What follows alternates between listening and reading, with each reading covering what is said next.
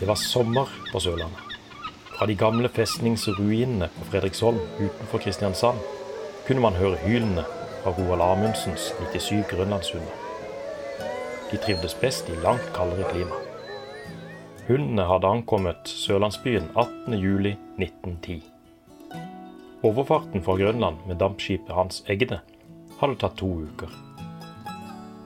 Hundene skulle delta på Amundsens kommende Nordpolekspedisjon. På øya Fredriksholm, som lå mellom fastlandet og Flekkerøy, skulle de tilbringe tre sommeruker, mens de ventet på Amundsen og polarskuta Fram. En av byens tollbetjenter, Sverre Hassel, hadde oppgaven med å passe dem. Hassel hadde god erfaring med polare strøk og grønlandshunder. Han hadde tidligere deltatt på Otto Sverdrups ekspedisjon til det arktiske Canada. Amundsen hadde håndplukket ham til Nordpolekspedisjonen. I løpet av sommeren fikk hunden også besøk av en ung jente fra Risør. Den tolv år gamle jenta, som ble kalt Lolla, ferierte på Flekkerøy. Hver dag ble hun rodd over til Fredriksholm.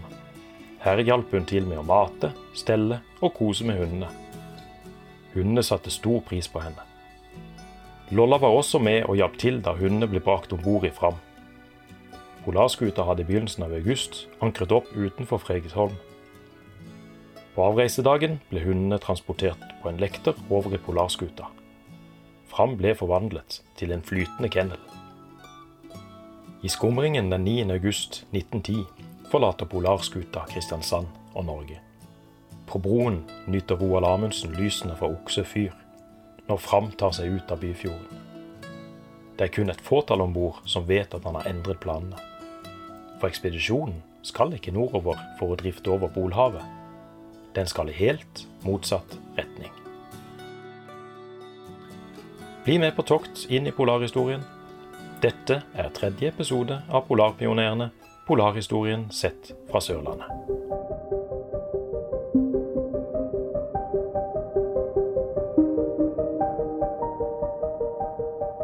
Norge har en lang og stolt historie som polarnasjon. Historiene om Nansen, Amundsen og polarskuta Fram står som bautaer i norsk polarhistorie. Nasjonalheltene som kjempet og slet seg fremover i en kald og nådeløs natur. Også sørlendinger og skip fra landsdelen har gjort viktige bidrag i norsk og internasjonal polarhistorie. Denne podkasten, Polarpionerene, polarhistorien sett fra Sørlandet, ønsker å trekke disse historiene frem i lyset, og samtidig gi et innblikk i den fascinerende polarhistorien. Mitt navn er Gaute Christian Molaug. Jeg er historiker og arbeider som arkivar og formidler ved Aust-Agder museum og arkiv.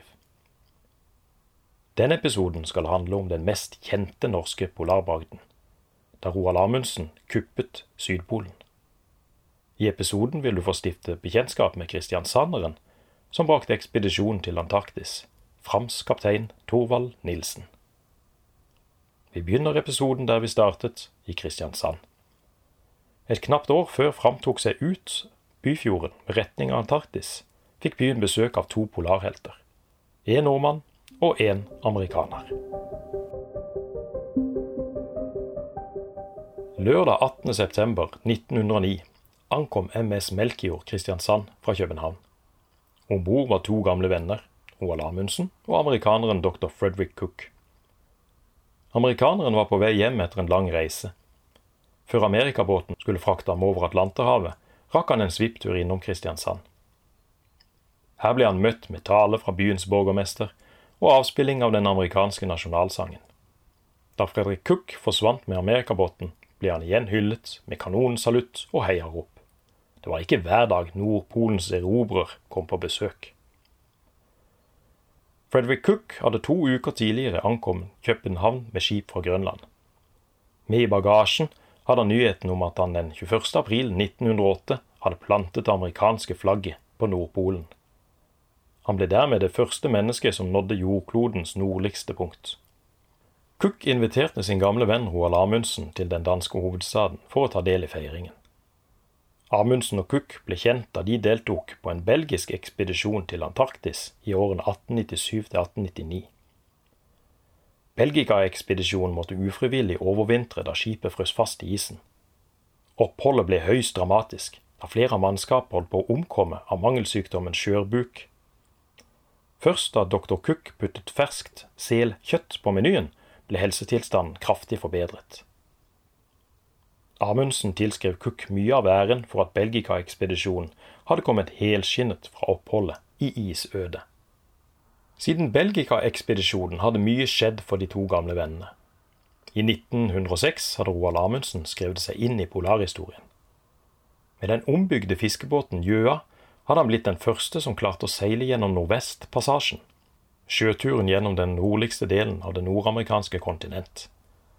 I flere hundre år hadde mange prøvd å finne den mytiske passasjen.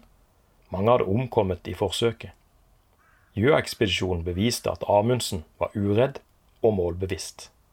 Etter hjemkomsten hadde han planlagt å gjennomføre det Fridtjof Nansen ikke hadde klart, bli den første til å nå Nordpolen. Etter Cooks tilbakekomst fra Arktis i september 1909 hang denne planen i en tynn tråd. For mens Cook vendte hjem til USA for å bli hyllet av sitt eget folk, dro Amundsen tilbake til sin bolig Uranieborg utenfor Kristiania for å revurdere planene sine. Det sto ikke høyt i kurs å bli nummer to på Nordpolen. Bedre ble det ikke at en annen amerikaner også hevdet at han hadde vært på Nordpolen. Få dager etter Cook proklamerte at han hadde vært førstemann, påsto Robert Perry at han nådde polpunktet 6.4.1909. Perry anklaget også landsmannen Cook for løgn. Perry mente at Cook aldri hadde nådd polpunktet. Amerikanerne brukte avisspaltene til å krangle om hvem som var først. Og i dag bestrides det om noen av dem faktisk nådde polpunktet. Amundsen derimot måtte klekke ut en ny plan. For hvis Nordpolen var tatt, var det bare ett sted igjen på kloden å erobre Sydpolen. Det var bare ett problem. Han måtte holde det hemmelig. Amundsen hadde fått låne polarskuta fram av Fridtjof Nansen for å forsøke å drifte med isen over Nordpolen. Ekspedisjonen hadde fått støtte av både private bidragsytere, Stortinget og kong Haakon. Sydpolen var også forbeholdt andre. Det var kjent at Nansen hadde egne planer om å dra dit. I tillegg drev briten Robert Falcon Scott og forberedte en større sydpolekspedisjon. Storbritannia ønsket å bli de første til å erobre Sydpolen. Men Amundsen var løsningsorientert. Han kunne jo bare ta turen innom Sydpolen på vei til Nordpolen. En liten omvei skadet ikke. De eneste han fortalte om Sydpolkuppet til, var sin bror Leon og ekspedisjonens kaptein og nestkommanderende, kristiansanderen Thorvald Nilsen. Thorvald Nilsen ble født i 1881 og vokste opp i Kvadraturen i Kristiansand. Nilsen var sønn av en kjøpmann, men valgte selv havet som levevei. Som 19-åring avla han styrmannseksamen. Samme år begynte han på Sjøkrigsskolen på Karl Johans vern i Horten. Da han i 1909 søkte seg til Amundsens planlagte Nordpolekspedisjon, hadde han bred erfaring fra både marinen og handelsflåten. Nilsen var tiltenkt en rolle som skipsfører på ekspedisjonen. Men da kaptein Ole Engelstad omkom sommeren 1909, fikk Nilsen rollen som ekspedisjonens nestkommanderende og kaptein på Fram. Torvald Nilsen var vel ansett. Nilsen ble i likhet med resten av ekspedisjonsmedlemmene håndplukket av Amundsen. Unntaket var Hjalmar Johansen. Han kom med på anmodning fra Fridtjof Nansen. Hjalmar Johansen hadde vært Nansens makker da de gjorde et forsøk på Nordpolen i 1895. Nansen mente at Johansen hadde mye å bidra med da han kjente godt til forholdene i Arktis. Johansen var klar for nye eventyr i isen, men hadde han undret seg over at ekspedisjonen hadde med en prefabrikkert hytte? Planen var jo at Fram skulle drive med isen over Nordpolen. Hvorfor tok de da med en hytte? Svaret fikk han og de øvrige ekspedisjonsmedlemmene da Fram ankom øya Madeira utenfor Portugal den 6. september 1910. Under stekende sol ga Amundsen den beskjeden ingen forventet. Ekspedisjonens egentlige mål var å plante det norske flagget på Sydpolen. Amundsen spurte så hver enkelt om de ville bli med videre. Samtlige svarte ja. Planen var å etablere en leir med den prefabrikkerte hytta i Hvalbukta i Antarktis. Herfra skulle de legge ut mat- og utstyrsdepoter Depotene skulle sikre at ekspedisjonen ikke trengte å ta med mer enn de trengte på fremstøtet mot polpunktet. Ekspedisjonen til Sydpolen skulle gjøres med hundespann. De mange hundene som var med, skulle ikke bare brukes som trekkdyr. Hundene inngikk også som en del av menyen på vei mot Polen. Amundsen hadde jo erfart at ferskt kjøtt var viktig for å unngå skjørbuk. Fram ankom Hvalbukta i januar 1911. Her etablerte ekspedisjonen leir på den store Rossbarrieren, den største isbremmen i Antarktis. Leiren kalte de Framheim. I tillegg til den medbrakte hytta besto leiren av telt og selvbygde snøhuler. Mens Fram fremdeles lå ved iskanten, fikk nordmennene den 4. februar 1911 besøk av Robert Scotts skip Terra Nova. Scott var ikke med, han var i britenes leir Cape Evans på Ross Island. Britene ble imponert over nordmennenes utstyr og hundespann. Scotts plan var å nå polpunktet ved hjelp av ponnier og motorsleder. Det lå an til tidenes kappløp på Antarktis-platået. Hunder mot ponnier, vikinger mot gentlemen. I april forsvant solen i takt med at det ble vinter i Antarktis. På Framheim brukte de ni beboerne ventetiden til å klargjøre utstyr og redskaper til den store polarferden. Inne var temperaturen opp mot 10 plussgrader. Ute var det minus 50. Fram forlot basen i februar og reiste til Argentina. Her skulle kaptein Nilsen utruste Fram til å utføre oseanografiske undersøkelser i det sørlige Atlanterhav. Nilsen forventet at det skulle ligge penger til denne delen av ekspedisjonen da han kom Buenos Aires. Men det gjorde de ikke. Amundsens ekspedisjon var i realiteten på randen av konkurs. Nilsen hadde ikke engang penger til å betale havneavgiften. Redningen ble en utflyttet nordmann i Argentina. Don Pedro Christoffersen hadde slått seg opp som godseier. Han ønsket å hjelpe sine landsmenn i nød. Don Pedro tilbød seg å dekke alle Frams utgifter. På Framheim følte Amundsen på presset om å komme først. Han var redd for hva Scotts motorsleder kunne utrette. I slutten av august varslet de første solstrålene at våren hadde ankommet Antarktis. Amundsen kriblet etter å komme i gang. Den 8. september la Amundsen og seks mann i vei med fem hundespann. Det skulle vise seg å være altfor tidlig. Etter et par dager slo været om Temperaturen sank ned mot minus 55 grader. Spriten i kompassene frøs, sikten var uklar. Både hunder og menn fikk frostskader. Da de ankom det første depotet på 80 grader, bestemte Amundsen at de skulle returnere så fort som mulig til Framheim. På retretten ble gruppen splittet. En av deltakerne, Christian Prestrud, slet med å holde følge. Takket være heroisk innsats av Hjalmar Johansen klarte han å komme seg helskinnet til Framheim. Nansens gamle makker Hjalmar Johansen hadde reddet livet til Prestrud. Ved frokost neste morgen endte Johansen og Amundsen opp i en krangel om den fatale retretten. Johansen anklaget Amundsen for å ha splittet gruppen og satt sin egen sikkerhet foran andre. Amundsen anså anklagen som et mytteri, og Johansen falt i unåde hos sjefen. Som straff ble han utelatt fra det kommende Sydpolteamet. Johansen tok degraderingen svært tungt. Den 19. oktober var været bedre, og det ble gjort klart for et nytt forsøk. Teamet var redusert til fem mann. Helmer Hansen, Oskar Wisting, Sverre Hassel, Olav Bjåland og sjefen sjøl, Roald Amundsen. Videre fulgte 52 hunder fordelt på fire sleder. Ekspedisjonen forflyttet seg i et forrykende tempo. På veien møtte de flere farer. De måtte gjennom farlige sprekkområder. Både menn og sleder falt gjennom, men de klarte hele tiden å karre seg videre mot målet. Den 21. november klarte de å ta seg opp på Antarktis-platået. 2800 meter over havet. Dette ble endestopp for om lag halvparten av hundene. De ble avlivet og servert som mat. Stedet ble døpt Slakteren. Etter noen innlagte hviledager fortsatte de ferden mot polpunktet. Klokken 15 den 14. desember 1911 var de fremme. De hadde nådd Sydpolen. Her var ingen spor etter mennesker. Sydpolkuppet var fullbrakt. Amundsen hadde slått skott i kappløpet om å være først. I polarvinden var gitt det norske flagget på jordklodens sydligste punkt. Lilleputtnasjonen Norge hadde seiret over mektige Storbritannia. I tre dager utførte de flere observasjoner for å sikre seg at de virkelig var fremme.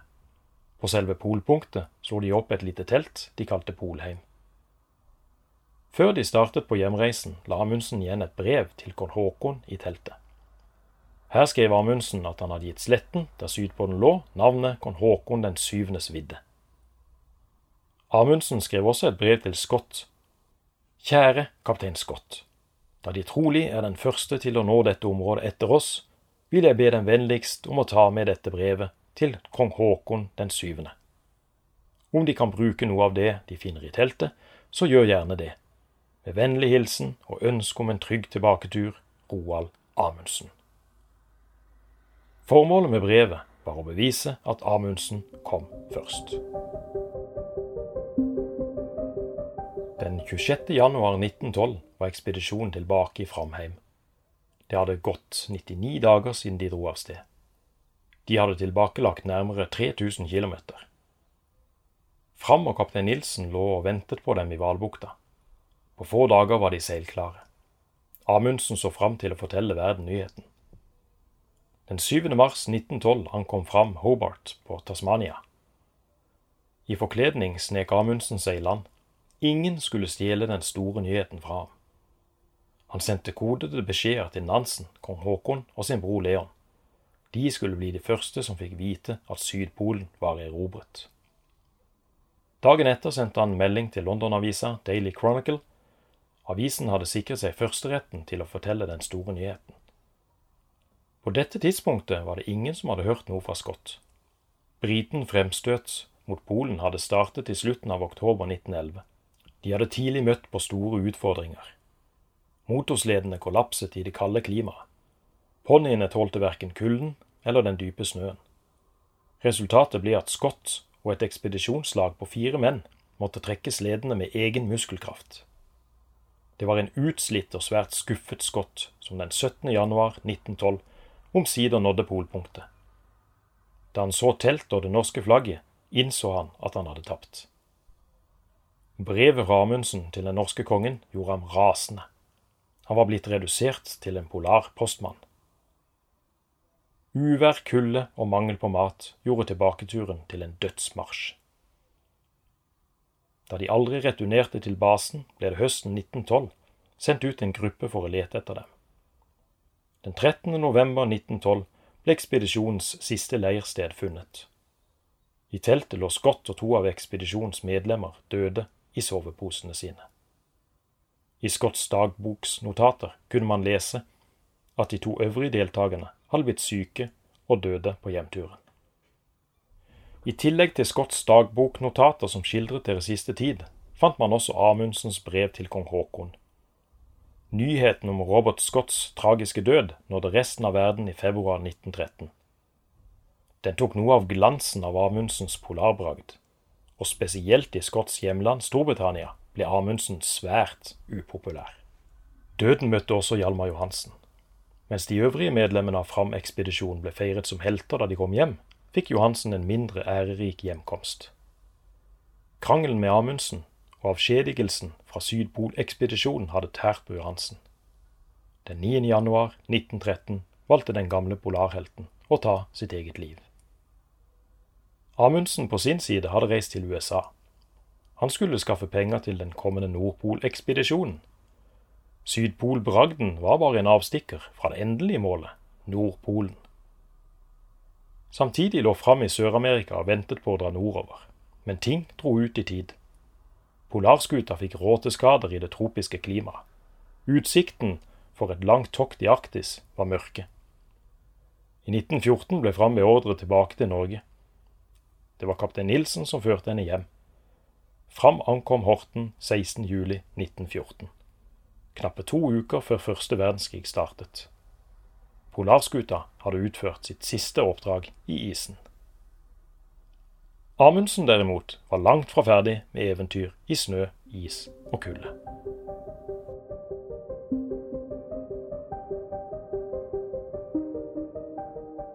Neste episode av Polarpionerene skal vi igjen bli med Roald Amundsen på tokt.